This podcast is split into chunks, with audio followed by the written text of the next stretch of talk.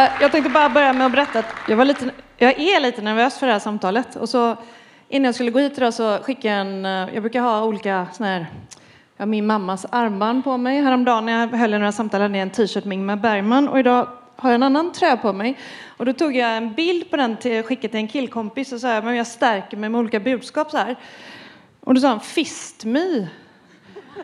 Nej, det står alltså feminist här på tröjan. Det tyckte jag var en rolig inledning. Så väldigt kul att få prata med dig tycker jag. Ja, detsamma. Och jag vill bara kolla, hur många här inne har hunnit och haft möjlighet och fått plats att se undersökningen? Ja, men det är bra, det är några. Jättebra. Tyvärr är ju de flesta visningarna eh, slutsålda, eller alla, Alla är. är det. Alla är. Så vi kommer ändå prata lite om den och avslöja vissa detaljer kring den, tänker jag, om det är okej för dig, eftersom så få kommer se den här. Men vi börjar med någonting som nog många av er har sett och det är årets vignett som också sen ingår i eh, undervisningen. Så vi börjar titta på den, tycker jag.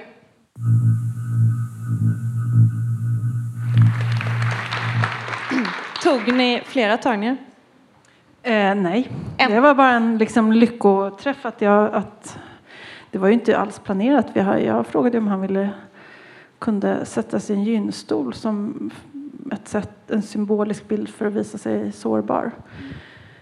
Eh, men det här var istället det han kunde tänka sig att göra. Och det var ju bara att fånga det. Det var ju bara en, tur att han sa ja och så ville jag passa på innan han ångrade sig så att vi bara körde och kamerorna fick hänga på liksom. Eh, för er som då inte har sett den så är det, är det 12 män. Elva. 11 män ja, i maktpositioner. Och det som jag eh, undrar lite över är urval. Det är alla vita män. Eh, Ja. Och då tänkte jag sen när jag såg den, är det, finns det inga rasifierade män med makt? Nej, och det var det som var så intressant att det finns rasifierade men inte svarta män med makt. kunde vi inte komma på någon i Sverige. Eh, det finns några kvinnor men inga män och det är ju väldigt märkligt. Så hur gick urvalet till? Eh, ja, alltså jag ville ha ett så brett spektra. Det var inte så att kriteriet var att de skulle vara kända, men de behöver inte vara kända för alla. Men så jag hade egentligen velat ha ännu bredare spektrum, men eh, det var mycket svårare och många av de här är ju till exempel väldigt mycket åt liksom röd eh, politiskt sätt. Eh, det var jättesvårt att få med de som står lite mer åt blåhållet och folk från finansvärlden och sånt där. Var mycket svårare. Eh, Det är väl ganska symptomatiskt, det är väl ofta så det är. Eh, Men så jag är nöjd med de som har tackat ja, men jag hade gärna haft lite fler så också. Eh, Claes Borgström är det som pratar om det här med Thomas Bodström. Thomas Bodström. Claes Borgström. Jag har också gjort den missen. Förlåt. Eh, Det här om, går det att vara sårbar i en konstruerad situation? Mm. Eh, Och det, det tycker jag var jätteintressant. Eh, Vad är det? Hur, det är en kamera, det du har bett dem om någonting och det är också någon... Alltså, så så då, det tänkte jag vi kunde prata lite om. Och vad är det att vara sårbar? Och vad är det att vara utsatt? Är det samma sak? Det kan vara samma sak, det måste ju inte vara det. Eller ja, att vara utsatt är väl alltid att vara sårbar i och för sig. Men, men här är det ju, tycker jag, själva läget som är det sårbara. Och det är ju kanske, för jag menar, det är klart att man skulle kunna hitta på något annat. Men, men jag har inte kommit på något bättre där man inte behöver liksom skada någon eller utsätta den för en verklig undersökning eller en utan jag menar, det, hade jag velat att någon skulle gråta offentligt då hade jag behövt hitta sätt att få den ledsen. Men här är det någonting man gör frivilligt. Men ställningen i sig, jag tror ingen kan påstå att man skulle kunna uppleva att man har makt i den ställningen. Så därför så tycker jag att den är så väldigt bra som symbol för en sårbar situation. Kan inte du berätta lite för er som inte har sett den då, liksom upp, upplägget. Jag, jag, kan också bara säga att det som, jag gick liksom runt och letade efter, vad, jag letade efter en sån röd skylt från Draken, eller från festivalen och fick ringa så här som en idiot till eh, Josefin och bara, jag fattar inte var visaren är någonstans. Mm. Och det, bara det var ju en, en mm. ett, ett, har ju du bestämt. Ja, inte att det ska vara svårt att hitta, Nej. inte bestämt. Men... att det, man ska inte liksom riktigt vara med på att det är en, så kom, sen går man in i någonting som ser ut som en, en vårdcentral. Ja. Och jag tänkte på att det hände en skylt där det stod psykosmottagning. Mm. Eh, eh, man möts av sjuksköterskeklädda eller undersköterskeklädda kvinnor. Mm. Är det ju. Och man får ta en nummerlapp. Eh, och för mig som hade varit på en föreställning i Stockholm som heter Att bli en dåre som pågick under tre dygn, man kunde välja det, så kände jag mig en gång instinktivt att jag blev utsatt mm.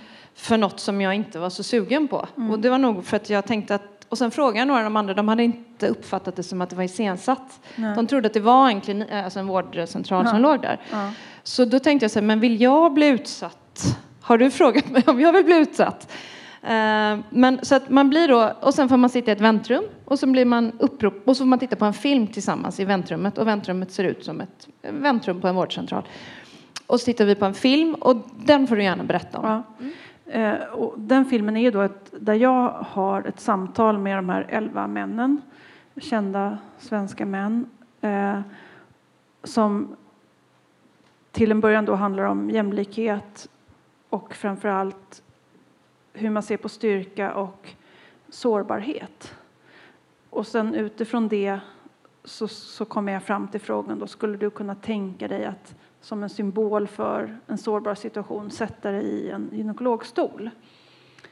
Eh, och sen är största delen av det här samtalet man får se, samtalen man får ta del av är då hur de här männen fram och tillbaks reflekterar för och emot, varför, varför inte och, och slutligen om de vill eller inte göra det då, sätta sig i den här gynekologstolen. Så det, och de måste inte vara nakna ner till ska vi Nej, de måste inte vara det. Samtidigt så säger jag till dem att det är ju att föredra för att jag menar, när, när vi jobbade med det här så hade vi, vi byggde upp ett rum som skulle se ut som en liksom, mottagning bakom den här scenen som jag möter männen på. Eh, och, och då hade vi gynstolen där och hoppade upp och ner och testade olika vinklar i den där. Och att sitta med kläderna på, om stolen är rätt inställd så är det riktigt skönt alltså. Mm. Eh, och det är det ju inte när man ligger naken hos gynekologen. Det är en helt annan känsla att vara naken på underkroppen. Men, men jag var ju liksom, de fick ju liksom välja mellan naken på underkroppen, kalsongerna på eller allt på. Eh, så att det fanns ju olika grader i det så att säga. Och av de här elva männen så var det fyra stycken som valde att lägga sig nakna och två stycken som valde att göra det med kläderna på. Och en av de här andra männen gick med på att gå in i rummet och titta. De andra ville inte ens befatta sig med rummet. De ville inte synas i det rummet. Eh, men tre män kom också med egna idéer om då, som ni fick se här, Jan Guillou var den första om han, hur han istället då skulle kunna visa sig sårbar, vilket ju också var, gjorde mig jätteglad eftersom jag, han var den första jag träffade jag var jättenervös. Tänk om ingen lägger sig i stolen. Vad blir det då för projekt? Eh, men då kände jag genast att ja, men om de kan skapa egna, egna bilder av sårbarhet så blir det ett projekt i alla fall. Så det var ju Bra. det finns ju några av de där männen eller, som visar sig då, för jag tänker jag vet inte om det står där, är det här man får en sån fin liten folder också och så kan man köpa en tablettask med stolpiller, var det va? Ja. Ehm, om vad det är och handla, handlar om att visa sig och möta varandra och ett, jag uppfattar det som det här med, jag, jag eh, tittar om på X och Y också för där är någon som säger, jag vet inte om det är du som säger det där med att vara naken och visa sig för varandra eller om det är någon av de andra karaktärerna. Men, men eh, några av de här männen visar sig på ett sätt som jag undrar om de själva är medvetna om. Mm. och, och, det var ju alltså, den här, jag vet inte om jag ska, ja, det var en man som är terapeut som i alla fall inte jag tänker gå i terapi hos. Uh, som, också, som också är ordförande i konstnärsklubben. Exakt. Där bara män får mm. vara med. Mm. Och det är väl, tror jag, jag vet inte om det var världens, men i alla fall Sveriges äldsta klubb. Mm. Um, ja. Det är väl den Fia Stina Sandlund gjorde väl någon Ja. ja. kupp där tror jag. Eh, nej, men för då tänkte jag också på vad har ni haft för överenskommelse efteråt? Har de, eller vad var överenskommelsen mellan er i hur du skulle förhålla dig till materialet? Eh, alltså, innan, när jag ringde dem, så, så sa jag då att från, från början visste jag inte att det skulle bli ett verk också. Så att en del så var det bara vignettfilmen och andra blev det också en berättelse om att det skulle utökas. Men så sa jag att det, det kommer handla om jämlikhet och vi kommer prata om styrka och, och sårbarhet. Och jag kommer också be dig göra någonting som kvinnor gör och ofta flera gånger i sitt liv. Eh, men jag sa alltså inte att jag skulle fråga om de ville sätta sig i en gynstol för jag var så rädd att, att det skulle göra att de inte ville komma. Och två gånger testade jag också att berätta för män som jag ringde att det var det jag skulle fråga om och de tackade nej. Eh, Så, och det vet jag inte om det var just därför eller om det var för att de också hade väldigt mycket att göra. Eh, Men, ja. Men har de sett eh, det här? Eller det som, vi, eller det som är på utställningen? Eh, en av dem har i alla fall sett vignetten. Eh, Okej. Så finns det ingen risk för att det ska vara så här efteråt nu då? För, för dels då är det den här filmen och sen så får, ska jag, får fortsätta att berätta vad som Ja, ja, ja. Sen får vi alla gå in i ett undersökningsrum en och en och lägga oss i en gynstol och ta på oss hörlurar och eh, man får välja om man vill ta av sig på underkroppen eller inte. Och så, så är det den här eh, gynekologen som de är en kvinna som också är med i filmen som helt enkelt talar om hur en undersökning går till och så får man se några av de männen som från tv-skärmen från, från en tv-skärm. Så tv-skärmen har man liksom nästan mellan benen när man ligger där. Och hon är också noggrann med att tala om att man ska åka långt ner med rumpan och för då, ja.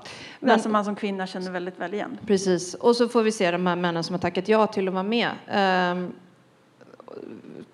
jättefint sammanfattning, eller det var en väldigt stark upplevelse på det stora hela tycker jag.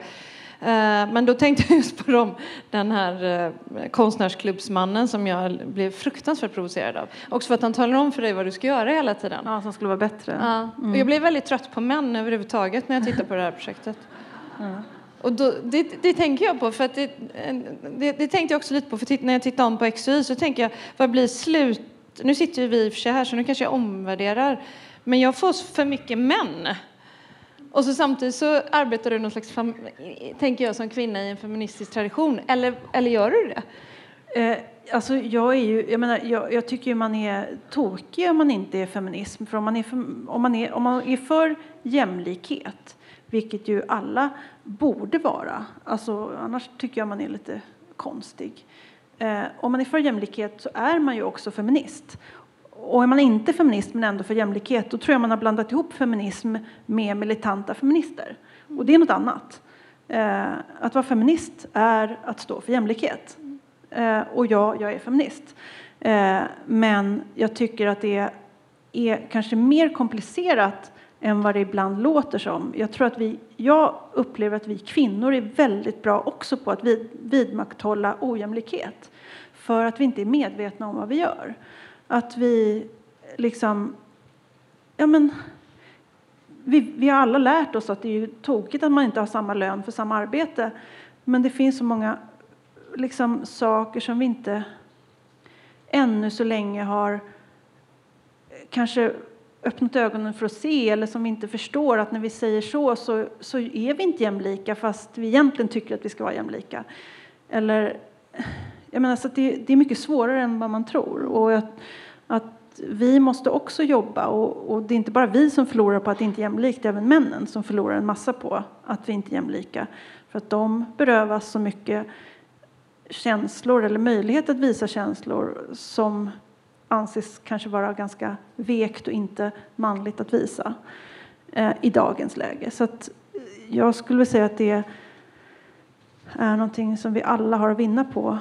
Och sen betyder inte det att alla måste vara si eller så, men man ska ha möjligheten att få vara hur man vill utan att det ska vara bättre eller sämre. Men tycker du, att- fick du syn på någonting genom den här undersökningen som du inte var beredd på? Alltså jag, jag blev väldigt glatt överraskad att vi liksom råkade bara att jag i all hast frågade Jan Guillou kunde tänka dig att göra något annat och han sa ja och kom på en idé.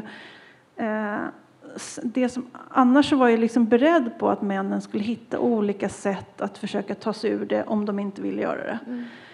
Eh, men, men det som förvånade mig det var att med, med, några av de här männen som absolut inte ville sätta sig i en stol eller som menade att ja, men det är ingen mening med för att jag kommer aldrig hamna där och därför är det inte någon idé. För att eh, det kan inte handla om sårbarhet eftersom den inte, det är inte relevant. Eh, för det första har jag förstått efteråt att det är inte ovanligt att män hamnar där när de ska undersöka prostatan. Men det kanske är olika olika landsting och sådär så att alla gör det ju inte. Men, och för det andra så, så sa jag till dem då att ja men om vi låtsas att gynekologstolen inte fanns innan du kom hit. Eh, när kvinnor undersöks så undersöks de på samma sätt som man undersöker prostatan. Man ligger på en brits eller man böjer sig fram över en stol eller en Eh, den här har jag uppfunnit för att jag tycker att det var en bra symbol för att visa sig sårbar. Men det gick inte. Det var så här, men det är ju inte så. Det är ju en gynstol, det är bara för kvinnor. Och det förvånade mig jättemycket att man inte ens kunde i fantasin förhålla sig till att ja, men det var en bra symbol för eh, sårbarhet. Men jag, jag, tänker på det finns en eh, kvinna som heter Brené Brown. Jag vet inte om du känner till henne eller om någon känner till Hon är forskar på skam och hon pratar väldigt mycket om sårbarhet. Och för, för jag tänkte på skam var ett ord som fanns väldigt lite av. Jag vet inte om det ens nämns i mm. uh, undersökningen. För, för, för, mig handlar det, då, eller jag läste det som att många av dem, att det handlar om skam. Inte om sår, om man tänker sig, för det hon säger då, Brené Brown, det är att för att nå intimitet och uppriktiga möten så måste man våga visa sig sårbar. Och då tänker jag, går det ett då om vad du tycker om det, men också skambegreppet, för, för jag, jag, tror att det är det som är, eller så, så läste jag det i alla fall, att man tappar liksom ansiktet, eller de börjar, de, eh, vad heter han, Göran Greider börjar prata om arbetarklassen och medelklassen, liksom det känns väldigt mycket så här, Ja, alltså han gjorde han ju det. Mm. Men, men det är en väldigt mycket med försvar. Med kläderna på då? Ja, med kläderna på ja. Så att jag, jag har liksom gjort en lista med olika ord som jag tänkte att du skulle mm. få associera mm. kring. Mm. Och sen, så det så undrar jag om det går att vara, liksom, om man tänker sig att det går ut på att få ett möte, går det i en eh, konstruerad situation, eller vad ska jag säga, en situation där du har kontrollen? Och sen undrar jag vad du tänker om eh, skam som begrepp? Eh, nej men skam, det, håller, det, funkar jättebra på det här men jag, men jag skulle inte kunnat jobba med det i mötet med dem och säga jag vill att du ska sätta dig i en skamfylld situation. För att då har jag ju bestämt hur man ska uppleva en sån situation. Men att den är sårbar, det är någonting alla kan hålla med om. Mm. Om jag säger att det är det här du ska uppleva så har jag redan liksom bestämt. Mm. För skam är mer i den situationen tänker jag på ett sätt lite mer definierat. Mm. Uh, ja. Så. Och i det tänkte jag också på ordet strategi, för Jan Guillou är, är väl, uh, nu såg ni ju det här, men hans argumentation för varför han inte vill vara med köper man ju, och det han säger är att han är en otroligt känd person som väldigt många blir väldigt provocerade av i olika sammanhang. Och att han vet att den bilden på honom i gynekologstolen kommer då vara den bilden som används så fort någon tycker att han är dum i huvudet. Så kommer man lägga den, eh, den eh, eller använda den bilden i olika media, mediala sammanhang. Köpte du det förresten som argument? Nej, han säger att svensk media skulle ju dagligen använda mm, den emot honom. Det var självupptaget tycker ja. jag. Eh, och det eh, sa jag till honom att det tror jag inte. Jag tror att efter metoo så skulle man inte kunna göra det i svensk media. Eh, möjligen liksom i några SD-orienterade liksom, tidskrifter eller media. Men jag tror inte att våra andra liksom, stora media skulle våga använda bilden på ett sådant sätt eftersom det är en det är, en, det är så viktigt att kvinnor går och testar sig för, eller tar cellprover till exempel, för att förhindra liksom livmoderhalscancer. Och det är en utsatt position, det håller alla med om. Och att män då skulle våga göra det här och att håna dem för det, så skulle vara i förlängningen vara att ja, men nej, det skulle inte funka idag. Eh, men där tyckte vi olika. Mm. Men den bilden där du var foten på hans huvud, mm. Skulle den vara mindre förnedrande? Ja, det får vi se. Ja, roligt. Men jag tänker ändå på det här med att vara strateg, för att han pratar ändå om det utifrån sin roll.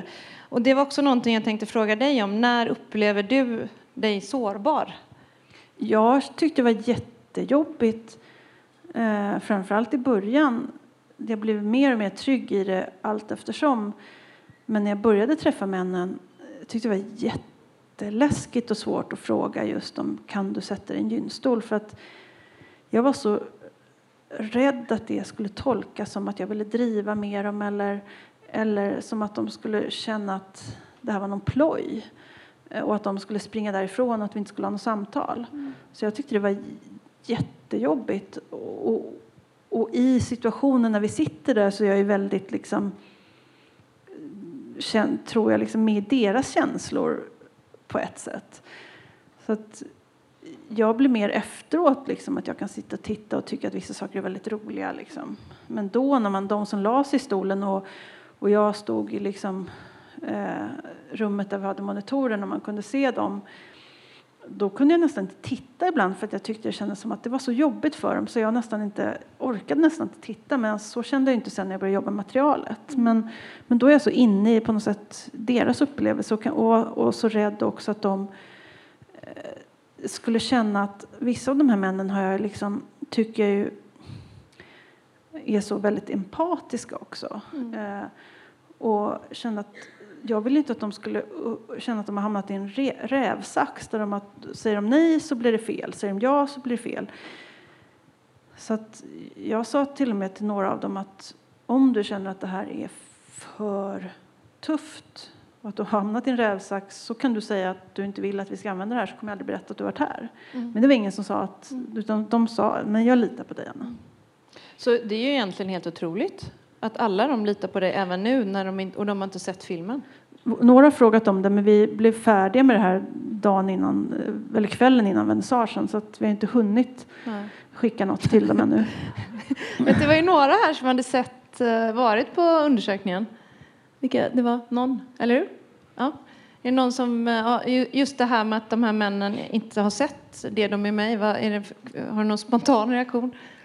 Eh, eller någon som vill säga något som har sett den?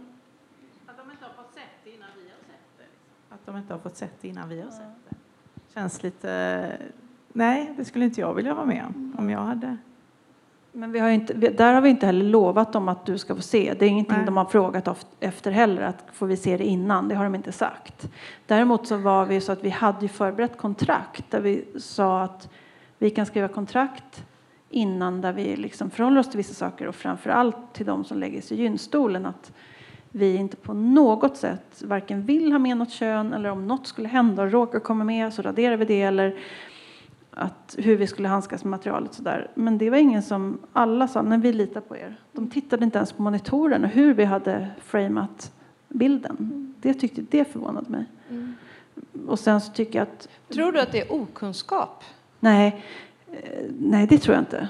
För, för, det, för jag tänkte på det när man tittar på hur det var framat ibland så tänkte jag så här, förstår de som ligger här vad de säger?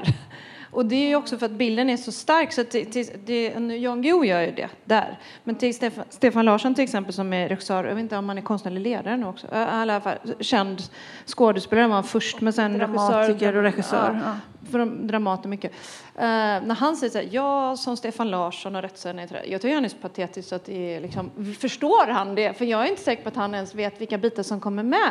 Nej.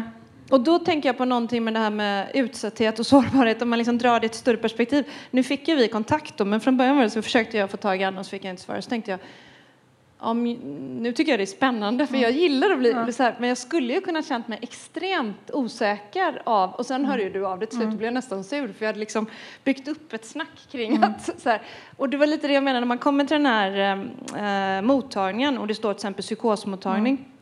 som för mig startar massa grejer. Ja. Och man vet inte, man får en nummerlapp, står sköterska som säger du ska, och man, jag vet att de är skådisar för att jag känner igen ja. dem. Så det finns ju många lager av vad man utsätter människor för. Uh, va, va, hur tänker du kring det? Uh, I konsten på något ja, sätt? Då, liksom? uh, jag tänker att man kan ju gå därifrån om man känner att det blir för jobbigt. Mm. Man måste ju inte ta del av verket. Och om man inte vet så mycket innan så har man ju, det är ingen som skulle säga att du får inte gå. Eh, och, och, när man går in i andra delen så frågar ju skådespelaren då om ja, de som vill gå vidare och göra nästa steg i undersökningen, ni kan ta en nummerlapp. Så att jag mm. menar, men ja, det är ju lite jobbigt. Det, det är lite som kanske när man är en, på en teaterföreställning och man blir inblandad som publik. Att det ibland kanske känns jättejobbigt. Eh, här blir man, är man i och för sig ännu mer anonym på ett sätt än vad man är i en teaterföreställning om man blir indragen. Men, så man kan ju faktiskt gå därifrån. Och det som Men jag håller med dig, det är klart att det kan vara lite jobbigt. Ja. Ja, och det är liksom nya företag. Men jag tycker också det som var väldigt fint med den här utställningen är eftersom på teatern är det, där är det kanske vanligare i alla fall, att det också blir tydligt att nu när vi har pratat om biokris, om vi nu ska använda ordet, men det finns så många sätt att visa rörliga bilder på.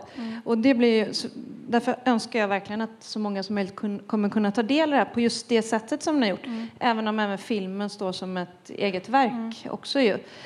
Um, ska vi se, det var någonting jag tänkte på nu. Jo, jag, ska, jag tänkte be dig att associera de här orden, om det är okej.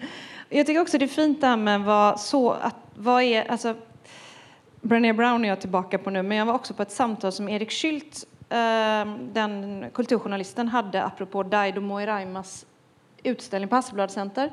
Eh, han är alltså årets Hasselblad, Hasselbladspristagare. Och då handlar det om dagboken som form om den är autentisk eller inte. Och vad autenticitet är. Eh, så jag ska inte börja med vad är autenticitet, om du har lust att spåna kring det. Ehm, Ja, men det tycker jag är när man upplever att någonting är ärligt. Det är inte ett spel. Man är i sig själv eller i en situation.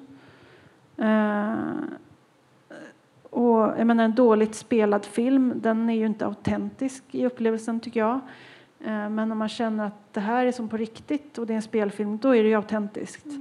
Och om, om vi har ett bra samtal så kan man väl känna att ja, men det känns som att kanske man kan säga att vi är autentiska. Eller liksom, ja. Eh, ja, men att, att vara eh, nära någon slags... Att inte spela eh, någonting som man inte är eller att, att våga vara naken på något sätt har väl, ligger väl nära kanske. Ta nästa ord då. Kontroll. Ja, vad kontroll är? Ja, men det är ju när man inte... Eh, om man har kontroll och vet att man har det, då behöver man inte våga eller behöver man inte vara modig. Det är när man kan någonting eller när man är van att göra någonting eller är oerhört självsäker så man kanske inte ens behöver, kanske inte ens om man har tur eller otur, man ska kalla det, veta om vad det är att vara osäker. eh, eh, ja, Makt. makt.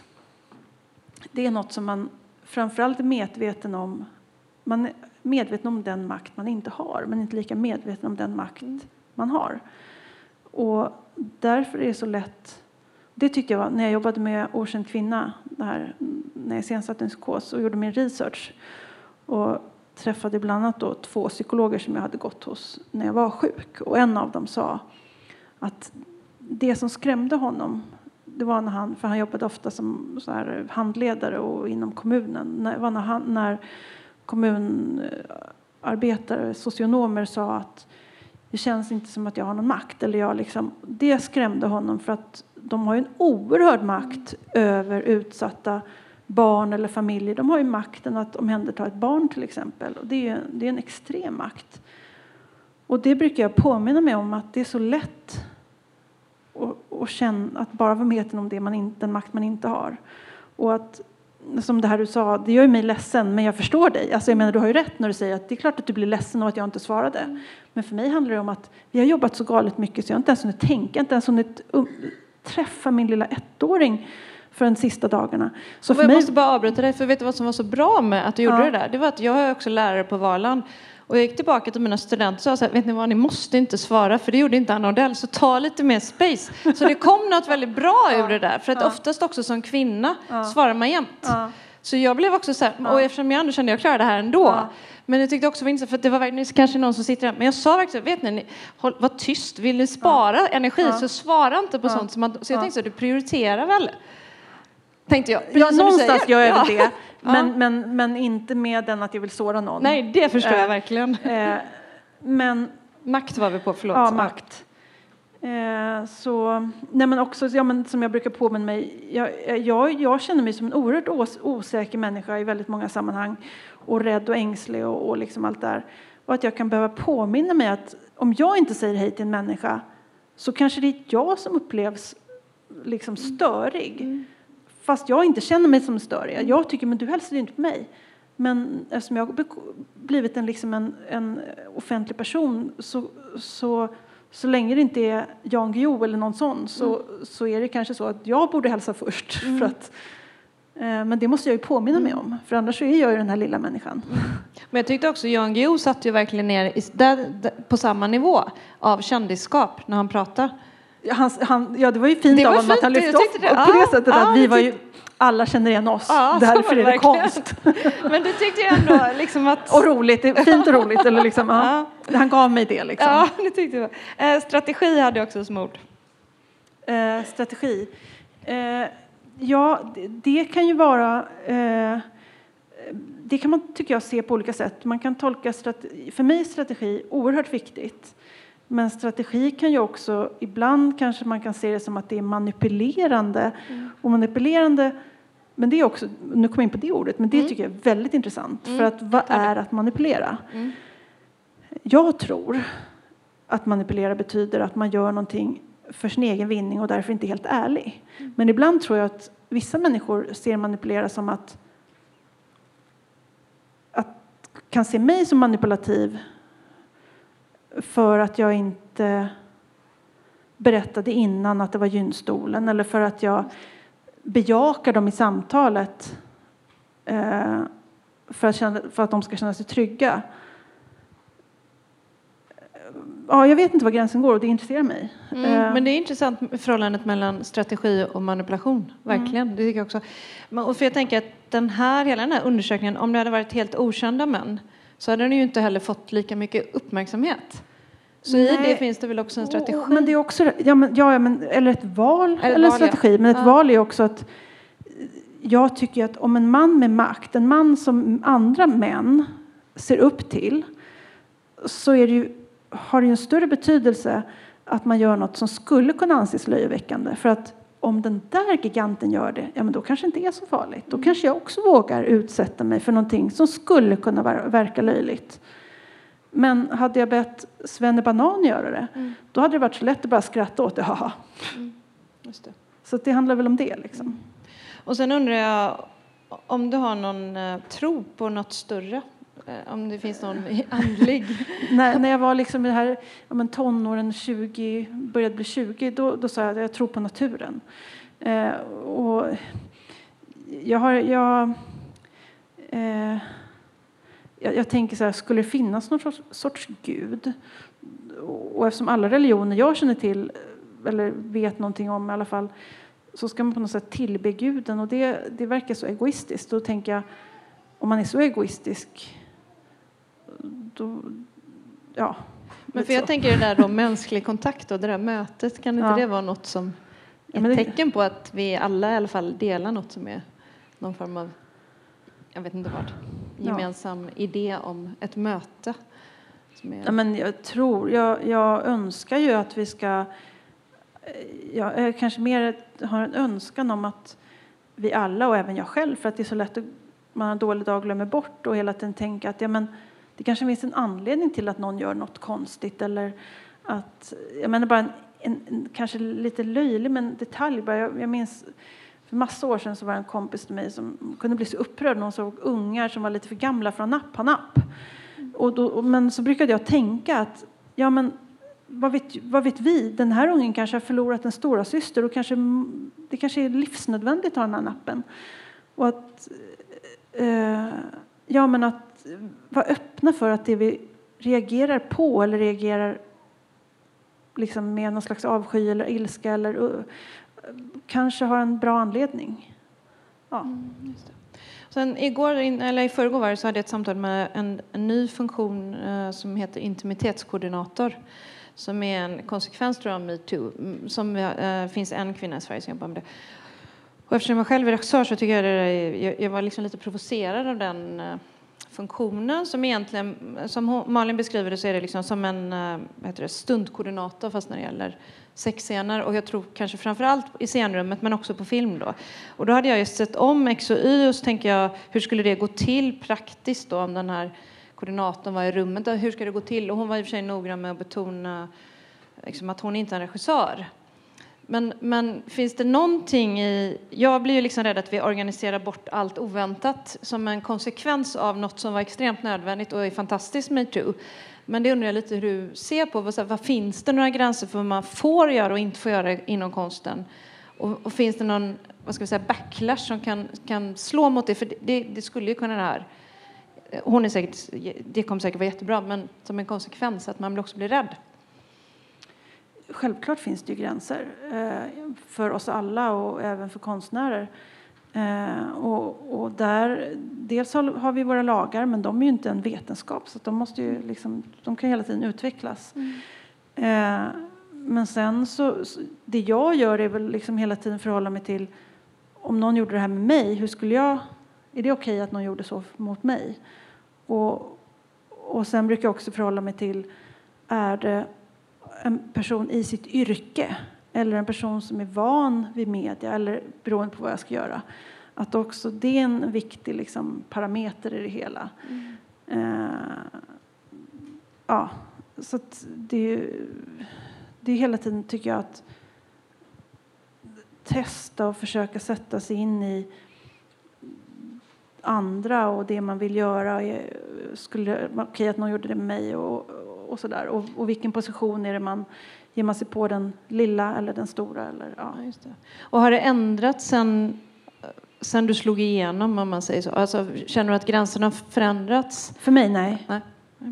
Vi har några minuter så jag tänker att det säkert är några här ute som vill fråga Anna om något.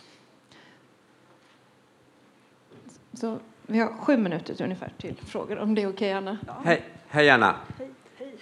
hej. Jag, jag, är lite sugen på det här med osäkerhet och underkastelse.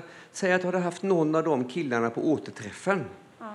som hade du haft till gynekologistolen eller motsvarande. Ja. Hur tror du att det skulle funka? Uh, hur menar du? Vänta, om, ja, eftersom du hade några av de klasskamraterna som hade skadat dig under uppväxten. Ja, men jag hade bjudit dem till stolen. Om du hade haft dem i en sån situation. Till gynstolen? Ja, till gynstolen eller i en motsvarande situation. Alltså, det där att känna sig riktigt eh, rädd för situationen, ja. ångerköpt för det man har ja. gjort. Det. Jag tycker det skulle vara oerhört starkt. Ja, men där kommer man in på det här eh, som ju hände även med bara att jag gjorde återträffen, att människor upplevde det som hämnd. Det var ju vissa tyckte att, att göra den här filmen, jaha, nu har hon hämnats. Men då hävdar jag bestämt, om man menar att filmen skulle vara hämnd, det var inte det du sa, men jag bara kom in på det. Om man kallar det jag gjorde mot dem, när de inte ens är nämnda vid sina riktiga namn, det är skådespelare både i första och andra delen. Jag har träffat de riktiga, men det är ett manus som är skrivet utifrån det och det är skådespelare som gestaltar. Om man kallar det jag utsätter sätter dem för hem, för hämnd, då vet man inte vad mobbning är. Om man tycker att det står i, i paritet till att vara mobbad under nio år. Så då är man bara o, då har man ingen kunskap. Sen om det var jobbigt för dem, det var det säkert. Och var det rätt? Ja, det är en fråga. Men att kunna jämföra det, det går inte. Eh, och ja, nej men så skulle jag bjudit in dem, då skulle nog många säga, ja men är det hämnd? Sen det skulle vara spännande på ett sätt såklart. För att jag skulle inte tvinga dem, men skulle du kunna tänka dig hur det känns att vara sårbar? Ja, det vore intressant. Eh, jag är bara inne på det här igen om de fick Ibland när man, så kan man ju säga saker i sammanhang eh, som man kanske ångrar sen eller när man får se det så tycker man att fick de liksom säga nej, ta inte med mig. Mm, jag sa, som jag nämnde, så vissa av dem sa jag ju till att eh, om du känner att det här var för svårt så kan du säga till nu så kommer jag inte ens nämna att du varit här. Ja, ja. Men vi, jag har också diskuterat det här både med de jag jobbar med och med min sambo. Det är också så här, det är så typiskt oss, oss kvinnor att ta det ansvaret. Sen jag blev en offentlig person, eh, jag har varit med, jag var ju från början, jag ska inte gå in på det, men, men jag, jag har varit i situationer där jag känner så här, det här var fruktansvärt jobbigt när de har filmat mig i den här situationen. Jag känner att jag var inte alls... Det är aldrig någon som har frågat mig, är det okej okay att vi använder de här, det här? Det har aldrig hänt. Och i stort sett alla de här männen har en väldigt stor medievana. Eh, och här till och med så säger jag till många av dem att du har möjlighet. Men de tyckte de litade på mig. Så att jag har också bestämt mig för att varför ska jag vara den här som gulligullar med vuxna män som om de tycker att det är jobbigt nu har jag till och med sagt till de flesta av dem så som jag, som jag berättar. Men om de tyckte det var jobbigt så kan de lyfta telefonen eller skicka ett mejl och säga och så är jag beredd att diskutera med dem och kanske till och med ta bort. Men då får de vara så pass modiga att de åtminstone kan säga att det var jobbigt Anna. Då är jag beredd att möta upp dem. Men lite ansvar för de här vuxna männen faktiskt ta för sin egen. Så det kommer jag fram till. kan du få en applåd för tycker jag.